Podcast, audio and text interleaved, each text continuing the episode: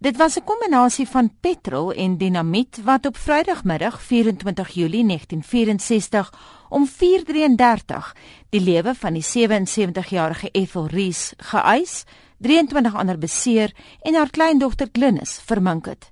Dit alles het in 'n konteks van 'n baie spesifieke soort zeitgeist gebeur. 1 maand na die Rivonia verhoor, 'n tyd toe John Foster minister van Justisie was en 'n tyd wat deur die politieke ontleder en joernalis Harold Pakendorf as 'n revolusionêre windstilte beskryf word. Dit was 'n tyd waar mense blanke spesifiek was absoluut geskok dat so iets kon gebeur en dit het uitgewys vir hulle natuurlik die regering van die dag. Ek wil nie sê gepas nie, maar dit het bewys dat hoe gevaarlik is in aanhalings die kommuniste en mense wat Suid-Afrika ontferwe. Kyk hoe ver gaan hulle al dat hulle bomme plant en mense doodmaak. Op 25 Julie 1964 berig beide die Transvaaler en die Rand Daily Mail dat hulle om 4:27 die vorige dag 'n telefoniese waarskuwing ontvang het dat die bom om 4:33 sou ontplof.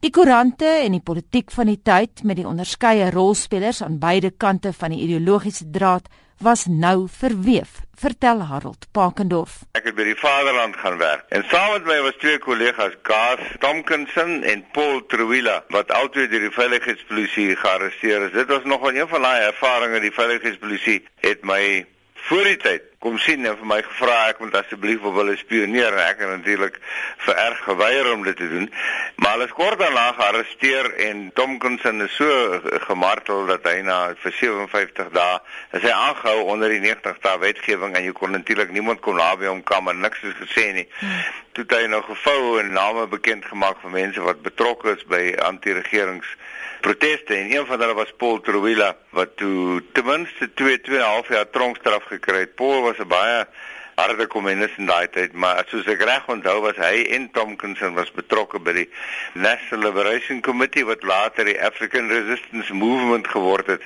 en wat toe uh, betrokke was by die bomontploffing op uh, parkstasie hoewel die IRM sou sê dat dit nie hulle beleid was om dit te gedoen het nie. John Harris was 'n onderwyser, voorsitter van die South African Non-Racial Olympic Committee en lid van die African Resistance Movement, maar in die komplekse samelewing wat Suid-Afrika nog altyd was, het hy bevriend geraak met die ou diplomaat na Steenkamp langs wie hy in Madeleinstraat, Florida aan die Wesrand gewoon het.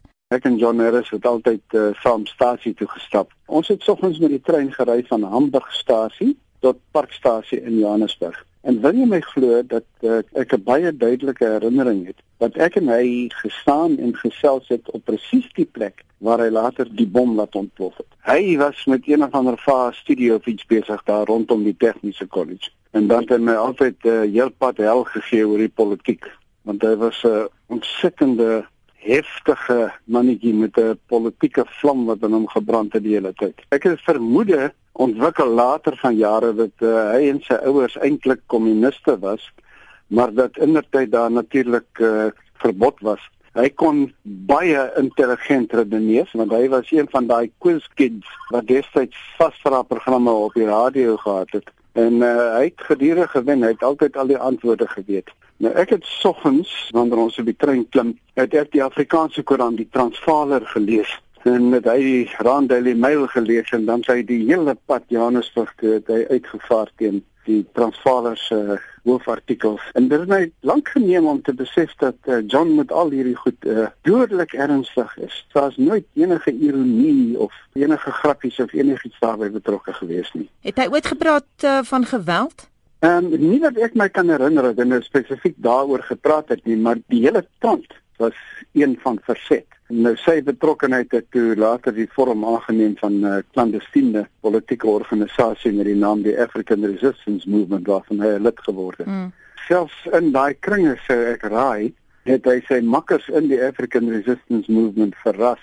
Hulle is heeltemal onverhoeds gevang deur die bom wat hy op die stasie geplaas het. Hoe het jy daaroor gevoel toe jy nou die nuus hoor? Iewers het daar 'n smeltdraadjie in my kop gesmelt. Ek was toe in die buiteland aan die begin van my diplomatieke loopbaan. En ek het uh, alles gehoor van hierdie bom en van die die verhoor en al en die snaakste van alles is dat ek net nooit die twee bymekaar gebring het nie. En die dag toe my pa vir my sê het jy gehoor hulle gaan hierdie mooi ouetjie wat hier langs ons gebly het hang toe tref dit my soos 'n hamerslag dat dit nou eintlik John Harris my ou speelmaatjie was. Het jy hom as 'n vriend beskou?